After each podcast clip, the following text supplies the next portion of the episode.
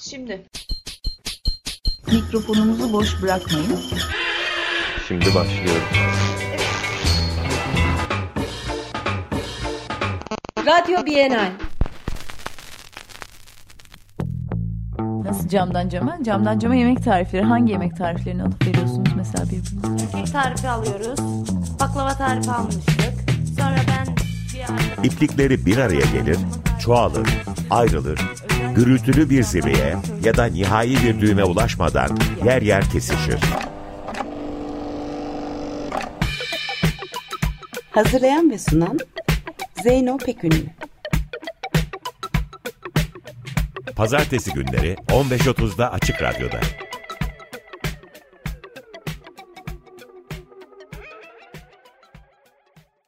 Artık kullanılmayan eşya insana küser. Gitmiştir kalbinde fırtına, kıyıdır her nerede dursa. Çekilmiş deniz, yatağında kala kalmış nehir. Dikersin bakışını göğe, cam kırıkları. Teneke parçacıkları toprağın olmuştur. Kullanılmayan eşya insana küser. Tarla sınırında köten, ayrıklar zıncarlara kavuşmuş. İncirin o eski bereketi, parlak kabuk, kocaman yanılsama. Zeytin dediğin dalda kuş artığı. Geçilmiş günler, rüzgar önünde gazel. Kullanılmayan eşya insana küser. Kapı açılır kapanır yel şafak vakti. Duyduğun duyacağın en ağır senfoni.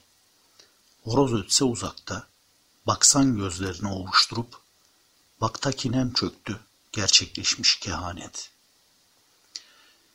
Kullanılmayan eşya insana küser. Minare ortada, mescidin tavanı çökmüş. Kibrit çöpü, izmaritler, kül kıyısında birkaç marsık. Karakol dediğin paslı tabela. Ot bürümüş üç duvar. Ne olurdu kalsa geride birileri. Merhaba, ben Ersun Çıplak. 17. İstanbul Bienali Şiir Hattı projesine katkıda bulunan şairlerden biriyim. 8 aydır her ay e, bu projeye yazdığım bir şiirle katkıda bulunuyorum. E, bu süreç gerçekten ilginç, heyecan verici, ayrı bir motivasyon kaynağı e, oldu. Her gün şiir çalışmama rağmen bana ayrı bir disiplin kazandırdı diyebilirim. Merhaba, ben Süreyya Evren. 17. İstanbul Bienalinin Şiir Hattı projesinin danışmanlığını yürütüyorum. Bu sayede gizli bir ekip olarak her ay kimsenin görmediği şiirleri gizli klasörlere kaldırıyor, istifliyor, okuyor, bazen çeviriyor ve hayatın farklı şekillerde içine karışırken hayal ediyoruz. Şiir Hattı projesi nedir? Tek bir şey değil, evrilmeye, yenilenmeye, ekler alarak büyümeye açık bir şey. Ama çekirdeğinde farklı kentlerde yaşayan ve Türkçe yazan 15 günümüz şairiyle birlikte girişilen bir deney var. 15 şaire tek tek yanaştık ve onlara dedik ki sizden her ay bir şiir yazmanızı istesek, haberci şiirler, böyle bir oyuna var mısınız? Yazacağınız şiirlerle ne yapacağımızı bilmiyoruz. Hayata katmanın yollarını arayacağız. Farklı formatlarda okurun karşısına çıkaracağız ve en sonunda bütün dünya gibi biz de bir kitaba varacağız. Yolda düşüneceğiz ve eleyeceğiz. Olur mu? Şairler. Şairler deyince kim? Şairlerin adını bir yerde arka arkaya okuyayım. Üstelik kitaba uygun bir şekilde ve alfabetik yapacağım bunu. Mehmet Sait Aydın, Donat Bayer, Zeliha B. Cenkçi, Sevinç Çalhanoğlu, Cevat Çapan, Ersun Çıplak, Devrim Dirlik Yapan, Haydar Ergülen, Mehmet Erte, Cem Kurtuluş, Bejan Matur, Mustafa Erdem Özler, Gonca Özmen, Anita Sezgener ve Neşe Yaşın. Haberci şiirler, haberci şairler öyle diyoruz. Ne demek bu? Haberci şiirler ismi güne dair olmayı şiirden al haberi tırtıklıyor. Ee, Bienal'in Ute Mete Bauer, Amar Kanvar ve David Tehten oluşan küratöryal ekibinden Amar, şiir hattı ne anlamla haberle diri çok güzel anlatmıştı bir yerde. Onu olduğu gibi alıntılıyorum. Şöyle demişti. Bu benzersiz zamanlarda şairlerin zihin dünyası ve kelime dağarcığı başka türlü düşünme yolları bulunması, zayıflamış duyularımızın yeniden konumlanması, kavrayışımızın yeniden canlanması ve bir araya gelebilmemiz için bizlere yardımcı olabilir mi? Şairlerimiz geçtiğimiz Ocak ayında proje kapsamındaki ilk şiirlerini yazmaya başladılar. Ocak 2021, Eylül'deyiz. Mevsimler devirdiler. Son mevsime geldik. Bir sonbahar var önlerinde. Ee, ilginç bir süreç aslında pek çok açıdan. Bir tanesi de pandeminin kapatmaları, kapanmaları bu projenin tam üstüne gelmiş oldu. İçinde doğdu zaten. Ve buna şairlerin tek tek kapanmaları da eşlik etti. Bana şunu da hatırlattı. Pandeminin ilk günlerinde daha Mart 2020 oralarda bir yerde e, bir radyo programı dinlemiştim. Şairleri ve yazarları çağırmışlar. Radyo programında onlara diyorlardı ki siz kapanma konusunda tecrübelisiniz. Bizde şimdi bütün dünya kapanıyor. Kapanma ve yalnız olma hakkında biraz bize anlatır mısınız gibi. Onu hatırladım. Ee, dolayısıyla biz buna ne ekledik? Ekstra bir eklediğimiz şeyler var. Dediğim gibi 15 şairimiz her ay bir şiir yazıyorlar ama diğerlerinin yazdıklarını görmüyorlar.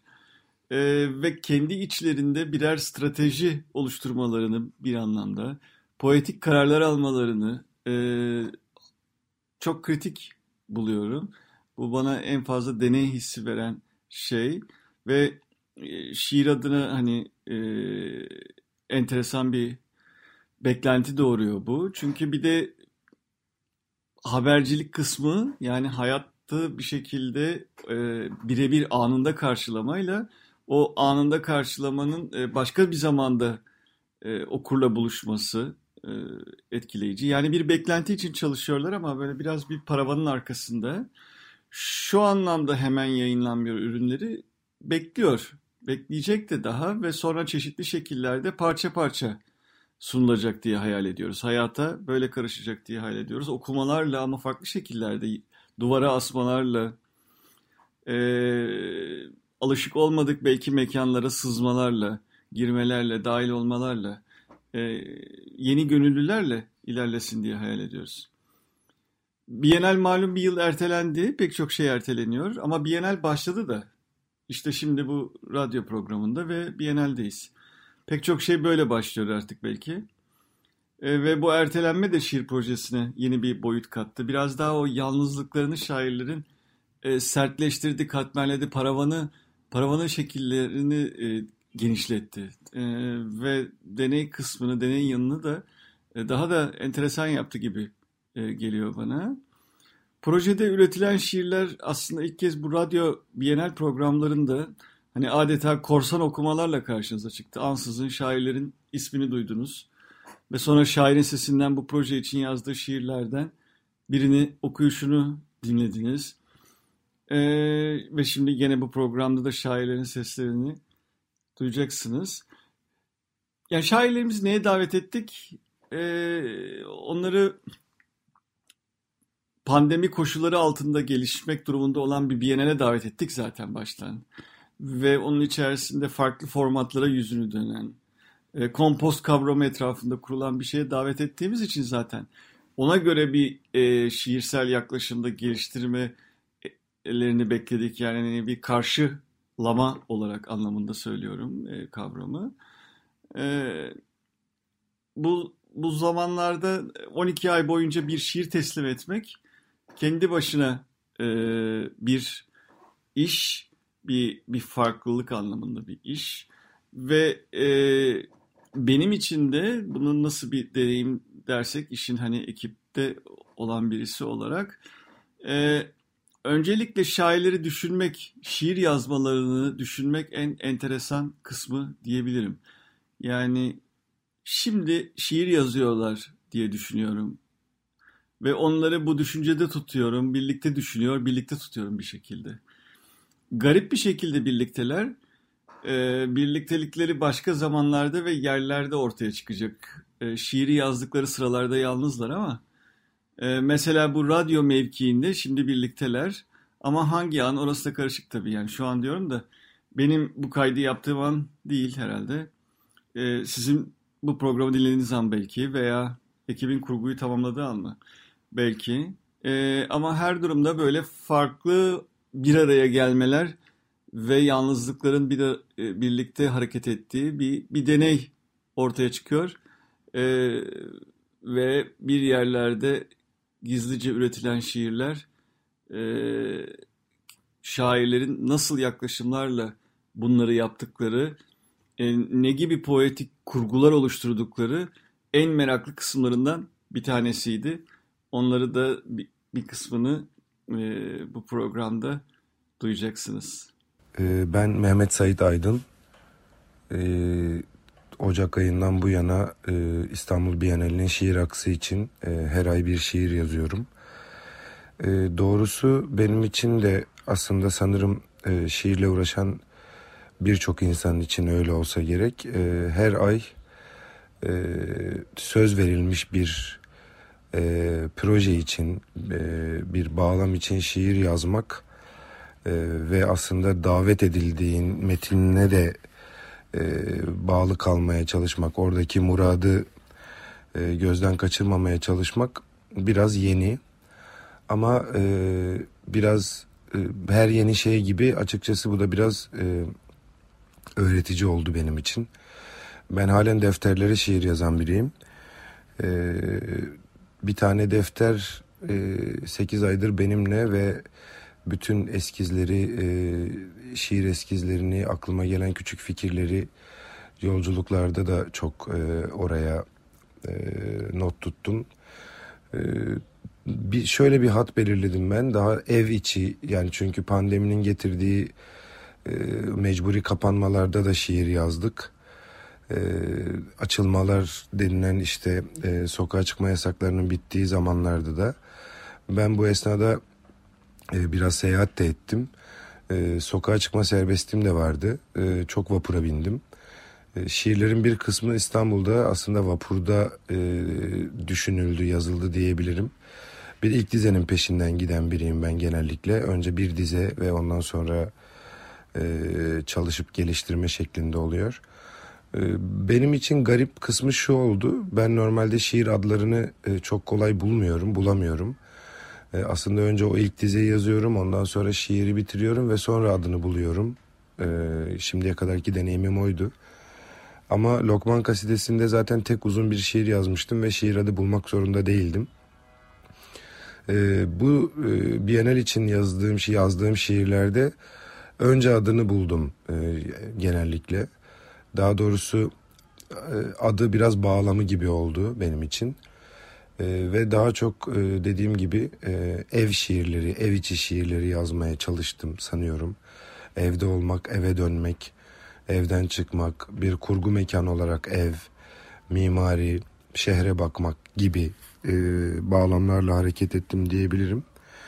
E, tekrar etmek gerekirse benim için gerçekten öğretici e, ve tuhaf bir deneyim oldu merakla e, aslında öteki şairlerin şiirlerini de bekliyorum ve e, yan yana o yazacağım 12 şiirin toplamda nasıl duracağını da merak ediyorum. Biraz e, tefrika etmişim, bir şey tefrika ediyormuşum gibi de geliyor. Kabaca söyleyeceklerim sanırım bunlar. Ben Donat Bayar. Sürekli şiir yazan biri için dahi her ay bir şiir teslim etmek farklı bir disiplin gerektiriyor. Son noktayı koyduğunuzda, içinize sinmediği takdirde yırtıp atabileceğinizi bilerek yazmakla, belli bir tarihte yayına hazır olmalı bilgisiyle yazmaya oturmak arasında büyük fark var. Bir şekilde bir teslim tarihine göre hareket etmeniz gerekiyor. Önünüzde duransa ödün veremeyeceğiniz bir şey. Şiiriniz. Bu tempoda yazmak, limitleri ne kadar zorlayabileceğimi, Peşine düştüğümde şiire nasıl en umulmadık şeyler üstünden ulaşabileceğimi, onu nasıl en ummadığım anlarda ve en ummadığım yerlerde bulabileceğimi gösterdi.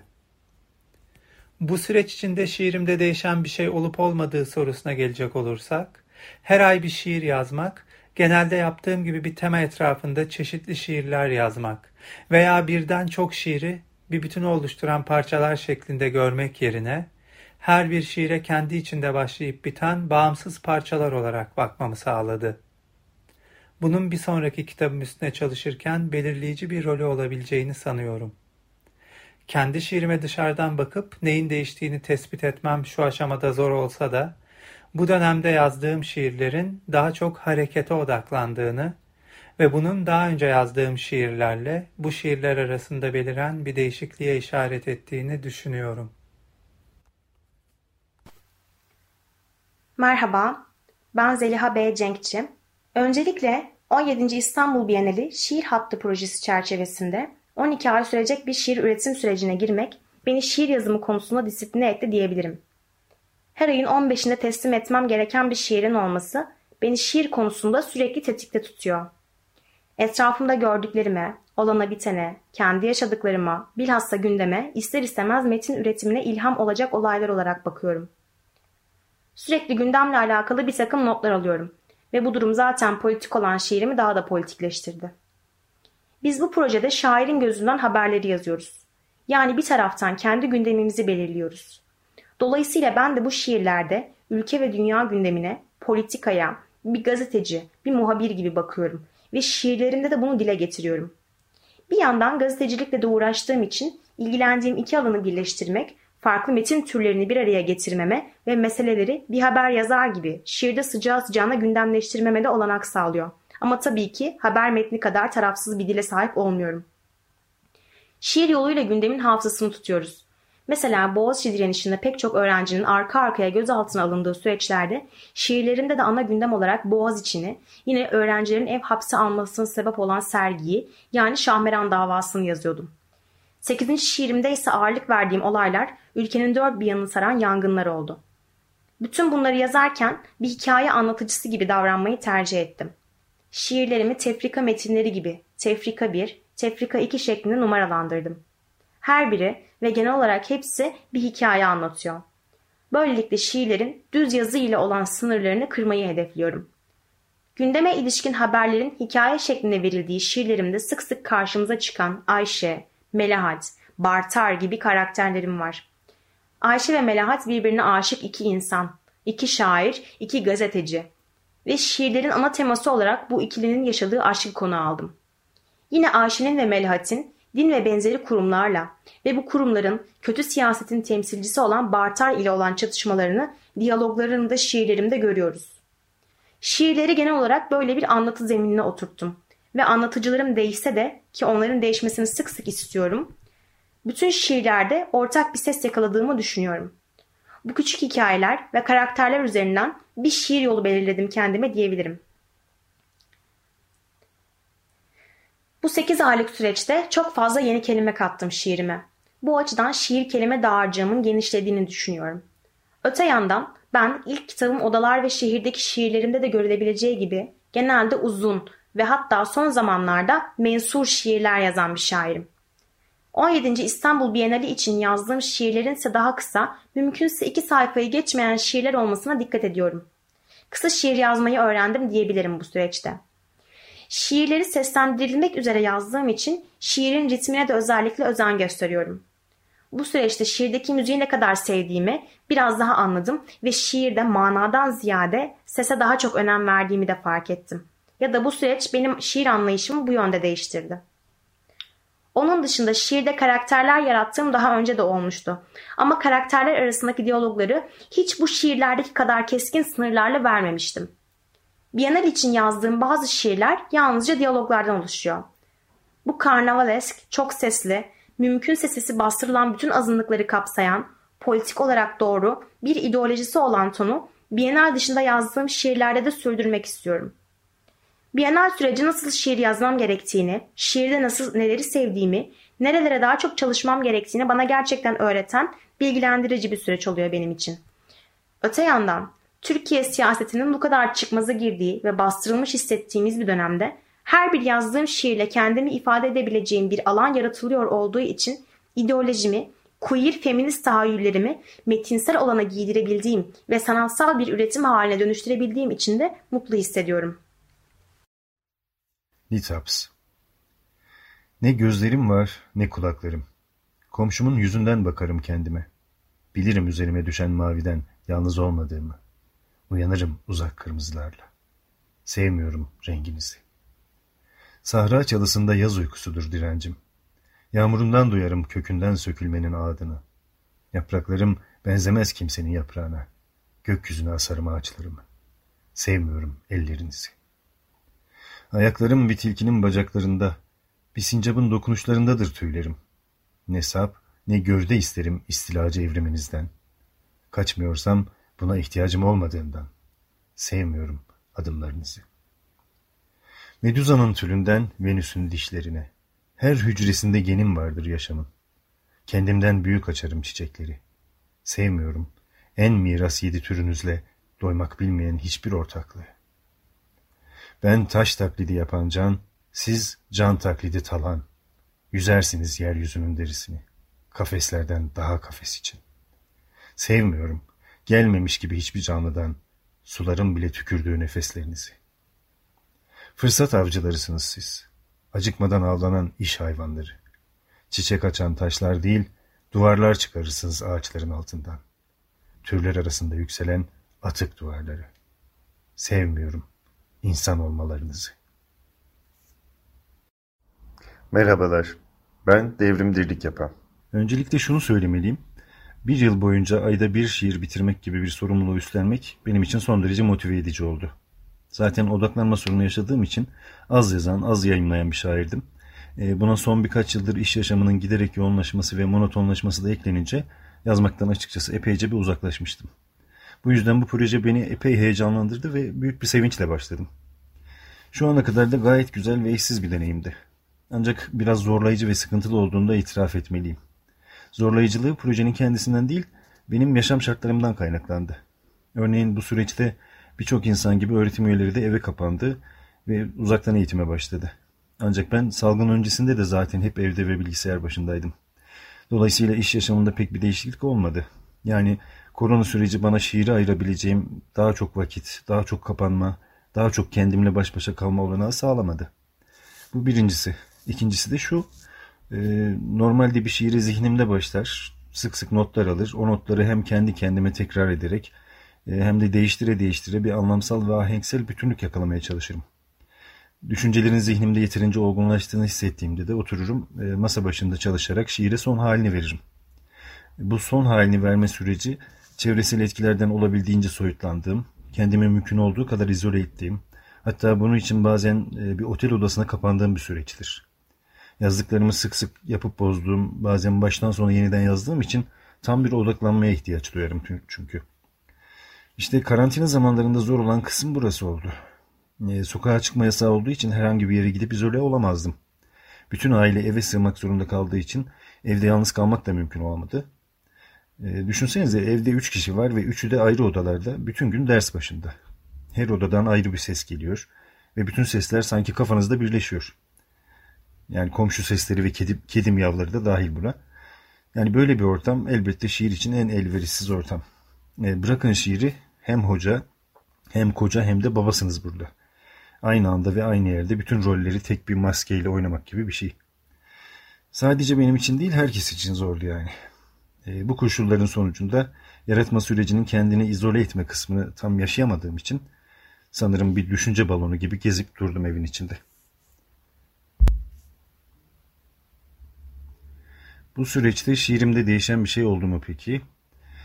E, proje başladığından beri 8 ay geçti gerçi ama henüz çok içinde olduğum için, şiirime dışarıdan bakabilmem için hala erken olduğu için buna net bir yanıt veremeyeceğim sanırım. Ancak şu kadarını söyleyebilirim. E, bu süreç benim kendimi didiklemeyi daha geri plana itip e, doğaya daha çok kulak verdiğim, insan dışında bir canlı olmanın nasıl bir şey olduğunu daha çok düşündüğüm bir süreç oldu. Elbette bu yaşadığımız çağın bizi getirdiği bir sonuç. Artık insan olmaya gerektiğinden fazla önem atfedip bizim dışımızdaki canlıların aptal olduklarını, çevrelerinin farkında olmadıklarını, e, tırnak içinde söylüyorum, bizim için yaratıldıklarını düşünmekten vazgeçmek zorundayız. Doğaya ve bilime kulak verdiğinizde bunun böyle olmadığını açık bir şekilde görüyorsunuz zaten. Ee, farklı hayvanların, bizden başka canlıların, bir ağacın, küçük bir bitkinin bile bildiğini bilmeye çalışmadıkça, nasıl evrimleştiklerini, hayata nasıl tutunduklarını anlamaya çalışıp e, buna göre davranmadıkça hiçbirimiz için, hiçbir canlı için iyi bir gelecek olmayacak çünkü. İnsan için de olmayacak. Ee, şimdilik bu kadar diyelim. Açık Radyo ve Bienal ekibine çok teşekkür ediyorum. Merhaba, ben Haydar Ergülen. İKSV'nin e, düzenlediği e, Bienal'de şiir okuma, şiir yazma e, serüveni ilginç bir deneyim. Herkes için öyledir kuşkusuz. E, zorlu mu desem, zorunlu mu desem. Ama zorunluluğun da hoş bir tarafı oldu. Bana bir çeşitlilik getirdi. Yani e, ne zamandır birbirinden farklı şiirler yazmak istiyordum. Yazmaya çalışıyorum da aslında. Fakat her ay e, bir ay öncekinden farklı bir şiir olsun istiyorum ve o şiirde ya herkesin yazabileceği bir şiir. Benim de yazabileceğim, bir başka arkadaşın da, bir başkasının da yazabileceği bir şiir olsun ve kime ait olduğu pek de e, okununca anlaşılmasın istiyordum. Bienal bana aslında böyle bir e, olanağı sağlamış oldu. Şimdi 4-5 şiir daha yazacağız. Ve sonuçta da o 12 şiiri toplu olarak bir arada gördüğüm zaman bunların birbirinden farklı, neredeyse 12 farklı şairin e, yazmış olduğu şiirler olarak çok hoş ve çok e, farklı bir deneyim. Tam da şiire uygun bir deyim. Irmağa yatmak. Notların bittiği yerde bir yudum hakikat, maddenin yokluğu değil, ne de rüzgarsızlığı eslerin. Kelimeler arası nefes almayı, her gün yeniden keşfetmenin. Bir bıçağa aynı, şiir ve döner, başın taşa borcu, kendini gömen, köpüren, köprülerin öldürdüğü sandalcı, ahşabı toplu mezar. Şu ateş bütün patatesler için. Onlara yağsın bulutların taşırdığı hasret. Dinsin dar kıvılcımları, ırmağın yurtsuz melodisinde sıkışmış kenarların. Yatağın yolundan çekilsin hayata ermeye gidenler. Dost el kazar, küreğini gönüle, toprak verir, canını aşka, aşık gelir, canan yola, yıldızdır yaşar, dondan kuma. Merhabalar, ben Cem Kurtuluş. Herkese New York'tan sevgiler, selamlar. Um, 17. İstanbul Bienali Şiir Hattı projesinde ve bu programda söz verildiğim e, ve gerek işitsel gerek görsel mecralarda doğup büyüdüğüm şehrin durmak bilmez akıntısında meydana gelmekte bu şiir ebrusunun bir parçası olduğum için çok mutlu ve müteşekkirim. Bu vesileyle hayranı olduğum başka yazar, düşünür ve şairler arasında eş zamanlı olarak İstanbul'da olmak beni çok heyecanlandırıyor. Proje çerçevesinde e, yükümlü olduğum ayda bir şiir ritmi hakkında e, Süreyya Evren'in e, bana yöneltmiş olduğu e, soru hakkında e, şunları söyleyebilirim. E, bu şiir ritmi e, aranjmanı şiiri bir arıza bağlamış gibi gözükebilir. Ama zaten içinde bulunduğumuz her alışveriş veya ilişki bir antroposen olarak da görülebilir. Evrim meydana gelenlerin değil, geriye kalanların hikayesidir diyor Paul Ford.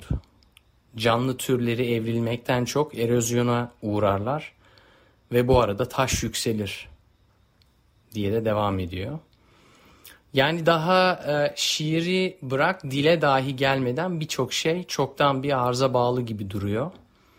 Hiç de insan merkezli olmayan, bilakis insanı cüceleyen bir evrenin o uzun, ince ve kırılgan dengesinde yürüyoruz. Bunu görebildiğimiz anlardır belki şiir diye düşünüyorum. Belki de yazılamayacak şiirler içinden sadece 3-5'ini yakalayabiliyoruzdur. Şiir açısından benim deneyimim bu oldu bu süreçte. Şiir yazılan bir ürün olmaktan öte limitlerin limitlerimin içerisinde benimle konuşan, çoğu zaman anlayamadığım bir dile döndü. Zaten hep bu dilin yazdıklarımız diye düşünüyorum. Tekil hayatlarımızda sürgün de olsak aynı şiirin farklı kelimelerini örüyor olabiliriz. Ben bu umutla yazıyor. Fareyi evden kovmuş, kovmuş olsam da bahçede kompostlama e, köşesinin ortak alanlılığını anlamaya, o alanda daha fazla vakit geçirmeye, şiir yazmaya değil insan olmaya çalışıyorum. Sanırım benimsediğim yol yordamı en yakın bu tarif edecek. Bu alanda e, tuttuğum notların her ay bir meyve verme zorunluluğu da aynı deneyimi pekiştirdi diyebilirim. Keza şiir şuurun kendisiyle konuşmasından başka nedir zaten? Çoğu zaman kelimesiz yazılan bir şey. İnsanlığın küçük tarihinin sadece çok çok daha küçük bir kısmı yazılı olarak mevcut ama aynı ihtiyaçlar etrafında toplanmaya, dilden çok daha kadim, ezeli ve erdemli bir şuuru takip etmeye, hem değişmenin hem de ayak uydurmanın gerekliliği paradoksu içinde kavrulmaya devam ediyoruz. Tam da bu şekilde o notların birlikteliği bir kazı ya da bir arayış değil, bir arınma ihtiyacı etrafında yer buldu. Bir erozyon ihtiyacı. Okuyacaklarınız farklı kulların gözler önünde dilden çekilmelerinin notları, insan denen kimliği dilden arındırma pratiğine davetin şiirleri bence. Hepimiz yazıyoruz. Bir solucan edasıyla yazmakla da yükümlüyüz. Bu şiirler sağ olsun hala yaşıyoruz ve şuurumuz yerinde. Merhaba, Bejan Matur ben. Biennale'in şiirle ilgili davetini alınca e, büyük bir heyecan duydum. Çünkü ben meraklı bir sanat izleyicisiyim. İyi miyim bilmiyorum bu konuda. Ama büyük bir tutkum var. Gittiğim her ülkede, her şehirde, her şeyden önce iyi bir galeri, iyi bir sergi ve müzeleri görmeyi isterim ve bu bana büyük bir mutluluk verir. Ee, İstanbul Bienalini de Türkiye'de bulunduğum zamanlarda takip etmeye çalıştım ve e, Bienalin içinde şiire yer açılmasını, alan açılmasını e, çok büyük bir mutlulukla karşıladım. Küratör Amar Kanvar'ın çağın dilini ararken şairlerin sesine kulak vermeyi istemesi, bize şairler anlatsın bu çağı demesini çok çok değerli buldum. Çünkü en nihayetinde insanın hakikatini anlatacak olan sanattır. Biz olanı haberlerden değil, aslında sanattan öğreniriz. Olan değişir, haberler değişir, hatta doğrular değişir ama hakikat değişmez. Hakikatin yani değişmez olanın dilini kuracak olan elbette sanattır. Sanat, bunu derin bir sezgiyle duyup iyileştirici bir dile dönüştürür. Şiir, dilin kelimelerini evet kullanır ama şiir dil değildir. Gerçek şiir en temelde hakikatin dilidir. Gündelik dilden kelimeleri alıp onlara zamanın, hayatın boşalttığı özü, manayı yeniden veren şiirdir. Etkisi ve gücü de buradan gelir. Bienal şiirlerini hazırlarken ilk başta nasıl olacak diye tereddüt yaşadığım oldu. Çünkü şimdiye kadar yayımladığım 10 şiir kitabımın hiçbirini birileri istediği için yazmamıştım. Ama o şiirleri yazarken de yine çağın acısını, trajedilerini kanımda duyarak yazıyordum. Burada diğerlerinden farklı olan şu oldu.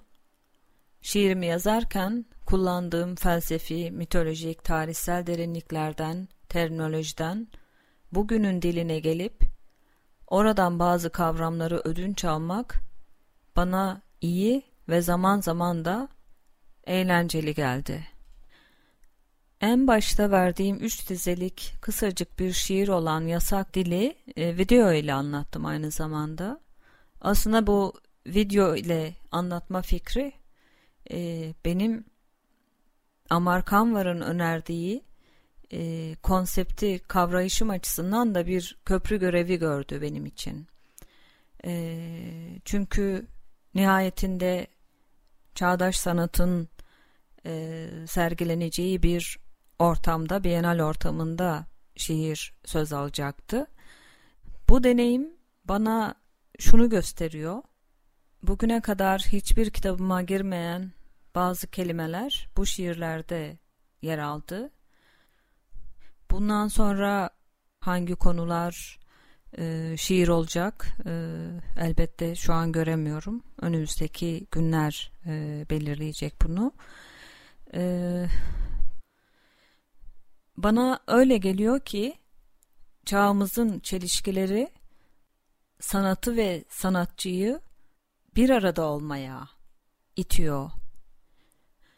Ve bu anlamda Biennale'in bu düşünceyi realize eden bir yaklaşım içinde olmasını çok çok değerli buluyorum. Merhaba, ben Mustafa Erdem Özler. 17. İstanbul Bienali şiir hattından gelen, yaşadığım Datça'dan yerel haber nitelikli ayda bir şiir talebi, şiir yapmanın bildiğim ve benimsediğim geniş zamanlı oluş tanımına, sonsuz zamanlı prosesine ters, aykırı, muhalif zaman düşüncesi yarattı bende. Her ay acil şiir yetiştirecek olmak, şiir için bu muhalif oluş zamanını deneyimleyecek olmak beni heyecanlandırdı, meraklandırdı açıkçası. Bu acil durum karşısında kendime stratejik ve bilinçli olarak yeni bir poetik patika açtım. Felaketlerin içinde yaşamayı öğrenirken, sürekli felaket bilgilerine sahip olurken ve yaşamda kalma çabası içindeyken şiirde ambulans dil olarak kavramsallaştırdığım poetik bir yapı kurdum. Burada ilk kez paylaştığım ambulans dil kavramını kendi şiirimde antroposen çağının şiir dili olarak yapılandırmaya karar verdim. Bugünkü felaketli gerçeklikte tam bir metafor parçalanması, algı parçalanması yaşıyoruz. Paramparça bütün fiiller, sıfatlar, zamirler, bağlaçlar. Bugün metafor varsa yaşam yok demek. Bilindik metaforlar artık insanı saklayamaz. Duyguları saklayamaz. Dünyayı saklayamaz. Bitti o günler. Şiir artık acil ihtiyaç maddelerinden birisi haline geldi bence. Ambulans dil bu metafor parçalanması, algı parçalanması içinde can kurtaran seslerle duyguların acil imdadına yetişen ironik bir dil yapılanması. Tekerlemeli, çevik, kıvrak, gerektiğinde aşırı hız yapan, kestirmelerde giden söylemlerle yol alan bir dil aracı. Yeni anlam örüntüleriyle donanmış fiillerle, sıfatlarla, kuşanmış zamirlerle, bağlaçlarla sürekli oluş halinde bir dil örgütlenmesi. Yaşamda kalma çabasını sürekli tazeleme iddiası olan, yaşama sevincini hep canlı tutmaya çalışan, umutvari potansiyelleri bulmaya, çoğaltmaya kararlı, duygudaş bir dil olanağı. Yeri geldiğinde doğaçlama tadıyla, gülümsetme hacmiyle, empati arzusuyla, istek üretici, teselli verici, avutucu, moral katıcı bir dil. Gerektiğinde hicvedici karakteriyle, iğneleyici tavrıyla, lafı gediğine sokucu tutumuyla tepkisel bir dil. Tekrar belirtmek istiyorum. Ambulans dilin yapısal kurulumunu çok iyi yansıtan, acil yetişmeyi çağrıştıran tekerlemeli ses taktikleriyle, hızlı tonlama vurgularıyla, ses kaynaştırma yöntemleriyle şiirlerin aküstiklerini bu poetik yapıya göre volümledim. Şiirlerdeki anlamla iç içe, olayla iç içe ironik armonilerin direnç vermesini dilerim. Ayrıca haber niteliği taşıyan bu şiirlerde pandemi dünyasında her türlü haber mecrasında çok kullanılan bakar bakmaz durum bilgisi yansıtan renk atraksiyonlarını ambulans dile taşıdım. Her şiirin başlangıcında şiirdeki haber niteliğiyle ilgili renkli manşet dizelere yer verdim. Böylelikle o şiirin duygu yükü bir bakışta optik renk kodlarıyla algılansın istedim. Bu süreçte şiirimde köklü bir değişiklik olmadı. Benim şiirlerimde daha önce kullandığım ironi zamanla çatışmanın hatta ona karşı çıkmanın, zamana karşı şiirsel galeyanlar yaratmanın, en zor anlarda bile gülümsemeyi metne doyasıya yedirmenin, kolektif neşeyi konum almak olarak değerlendirmenin bir kuvvetiydi. Şimdi bu ironik kuvvet bu süreçte daha da katmanlandı diyebilirim. Açıkça söylemek gerekirse felaketlerin içinde yaşadığımız bu zamanda ambulans dile herkesin acil ihtiyacı var. Merhaba, ben Gonca Özmen. Şimdiye kadar yaratıcılığımı dürtükleyeceğini, beni esinleyeceğini, hatta zorlayacağını sezdiğim işlerde yer aldım. Evet, bile isteye. Arzu ve korkuyla. Süreci önemseyerek. Aranışlarımı zenginleştirmeye, imkanlarımı çoklamaya çalışarak. Her bir yeni deneyimin bana yeni gözler, yeni akıllar ve hatta bazen yeni eller, yeni ayaklar ekleyeceğini bilerek. Elbette yeni yaraları, kesikleri, kırık çıkıkları, yeni düşüşleri, yol kazalarını da göze alarak. Şiir çünkü yeni sapmaları, yan yolları, gedikleri, çentikleri sever. Oralardan başka uçlar verir, buna inanıyorum. Bu duygu ve düşüncelerle evet dedim 17. İstanbul Bienali Şiir Hattı projesine. Şiirlerini uzun süreler bekleten, yazdıklarını durmadan değiştiren, neredeyse şiirin bitirilemez oluşunu savunacak bir şair olarak bir yıl boyunca her ay bir şiir yazmak benim için tam bir challenge. Bu anlamda zorlandığımı itiraf etmeliyim. Nasıl da hızlı akıyor sanki bir ay. Daha hızlı bitiyor gibi. Şiir ve hız birbirine hiç yakışmıyor. Tam da bu nedenle bu yılki Bienal'in önceki yıllardan farklı olarak bir temayı ve başlığı değil de süreci öne çıkarması açıkçası işime geliyor. Bienal'in esin kaynağı kompost, kompostlaşma. Ben de bu bağlamda bir taslak çalışması yaptım başlarken. Daha çok ölüm, dönüşüm, yeniden doğum ve başkalaşmaya odaklandım. Yumurta kabuklarını başka bir akılla gömmeyi deniyorum. Atıklarımıza bir yenilenme imkanı diye bakıyorum.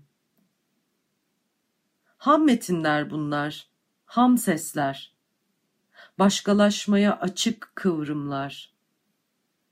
Dalından hamken düşmekten korkmayan şiirler yazdığıma inanıyorum. Birbiriyle konuşan, kesişen şiirler olsun diye yola çıkmıştım ama özellikle birkaçı aldı başını gitti. Elbette peki dedim bu delişmenliğe. Hele böylesi çalkantılı, böylesi sallantılı bir dönemde. Bienal'in Küratöryel metni de bana arka çıkıyor aslında. Planlı bir buluşmadan ziyade bir dağılmayı önceliyor ve diyor ki bırakın bu bienalde kompost olsun. Vaktinden önce başlayabilsin. Bittikten çok sonra da devam edebilsin. Ben de işte hadi bakalım dedim. Bu şiirler kompost olsun. Merhabalar, ben Anita Sezgener. Böylesi bir proje içinde yer alıyor olmak çok sevinçli. Süreklilik arz ediyor olması ayrıca motive edici benim açımdan. Kopmadan, günlük rutinde kaybolmadan şiire tutunmaya, şiir düşünmeme yarıyor. Duyguları, düşünceleri, deneyimleri kayıt altına almak, dertaya su taşımak açısından da dirilik getiriyor insana. Bu süreklilik içinde devinmek, içsel ve yapısal bütünlüğü korumak için günlük şiir formunu tercih ettim. Yazmaya başlamış olduğum yavaş şiirleri yavaş günlüğe evirdim. Belki abartılı bulacaksınız söylediğimi ama yaşıyorum dedirtti bana bu proje. Beni çoğalttı. Bir başka farkındalık, bir başkasından haberdarlık, projeye dahil olanlarla bir eş düğüm şeklinde yazmaya devam etmemi sağladı. Teşekkür ederim. Merhaba ben Neşe Yaşın. Şiir Aksı projesi için e, her ay bir şiir e, teslim ediyoruz 2021 başından beri. E, önceleri bu biraz kaygılandırdı beni. Çünkü normalde şiir yazma yöntemim böyle değil yani bazen bir haftada diyelim ki 3-4 şiir yazıyorum. Sonra beş ay hiçbir şiir e, yazmıyorum. E, ve e, genelde yaptığım şöyle bir şey oluyor aslında. Bazı dizeleri not alıyorum ama bunların hepsi şiire evrilmiyor. Yani birden oturuyorum bir şey geliyor aklıma kalbime diyelim ve e, e, onları, o dizeleri bir yere not alıyorum. E, bazen bunlar ilerliyor ve bir şiire doğru evriliyor. Bazen de öylece kalıyor. Bu şiir aksı projesi sırasında böyle bir yükümlülük olduğu için o notlara biraz daha uzun baktım. İşte onlar üzerinde yoğunlaştım ve o notlardan bazı şiirler çıktı. Şimdi bir tema da var aslında yani haberler gibi olacak e, denmişti başta. E, o yüzden de e, tabii ki güncel olan üzerinde hmm, e, yoğunlaştım e, ve bütün şiirlerde aslında bu pandemi sürecine dair onunla ilişkili e, olarak çıktı.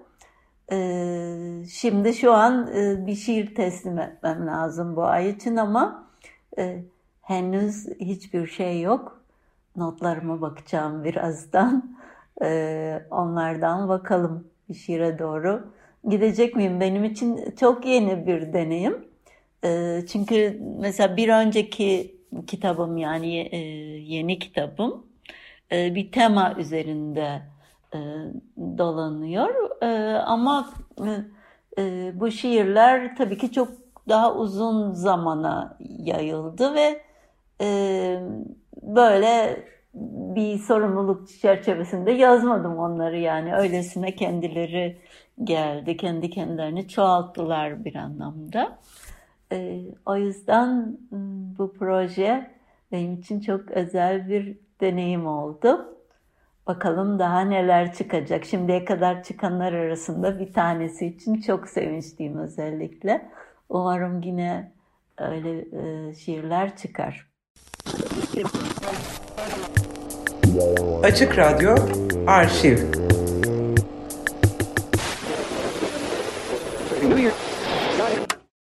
Bir yerde okumuştum. Çok da hoşuma gitmişti. Shakespeare bütün zamanlara mektup yazmış diye. Sanki o zamanı açıklamak ve aydınlatmak, anlatmak için insana. Tam da zamanı aslında Shakespeare'in. Yani hangi oyununa el atarsanız atın, hangi oyuna bakarsanız bakın. Müthiş bir şey bu. Yani hayatı bu kadar özümsemek, bu kadar farkında olmak. İnsan denilen o kompleks varlığı bu kadar derinden fark etmek. Sanki bir psikoterapist gibi. Ve onun bütün zaaflarını, niyetlerini, hırslarını, kibrini, gururunu vesaire her neyse onları ortaya dökmek. Özellikle de iktidar üzerine yazdığı çok önemli piyesler var yani. Bugün dünyanın ahvaline baktığımız zaman bugünün dünyasına ışık tutan çok önemli tezlerle dolu. Daha doğrusu bizi uyaran bazen etrafımızda olup bitenlere akıl erdiremediğimiz zaman etrafımızda nelerin ne olup bittiğini bize net aydınlık bir biçimde anlatan oyunlar bunlar. Kenan Işık Mart 2014 Açık Radyo Arşiv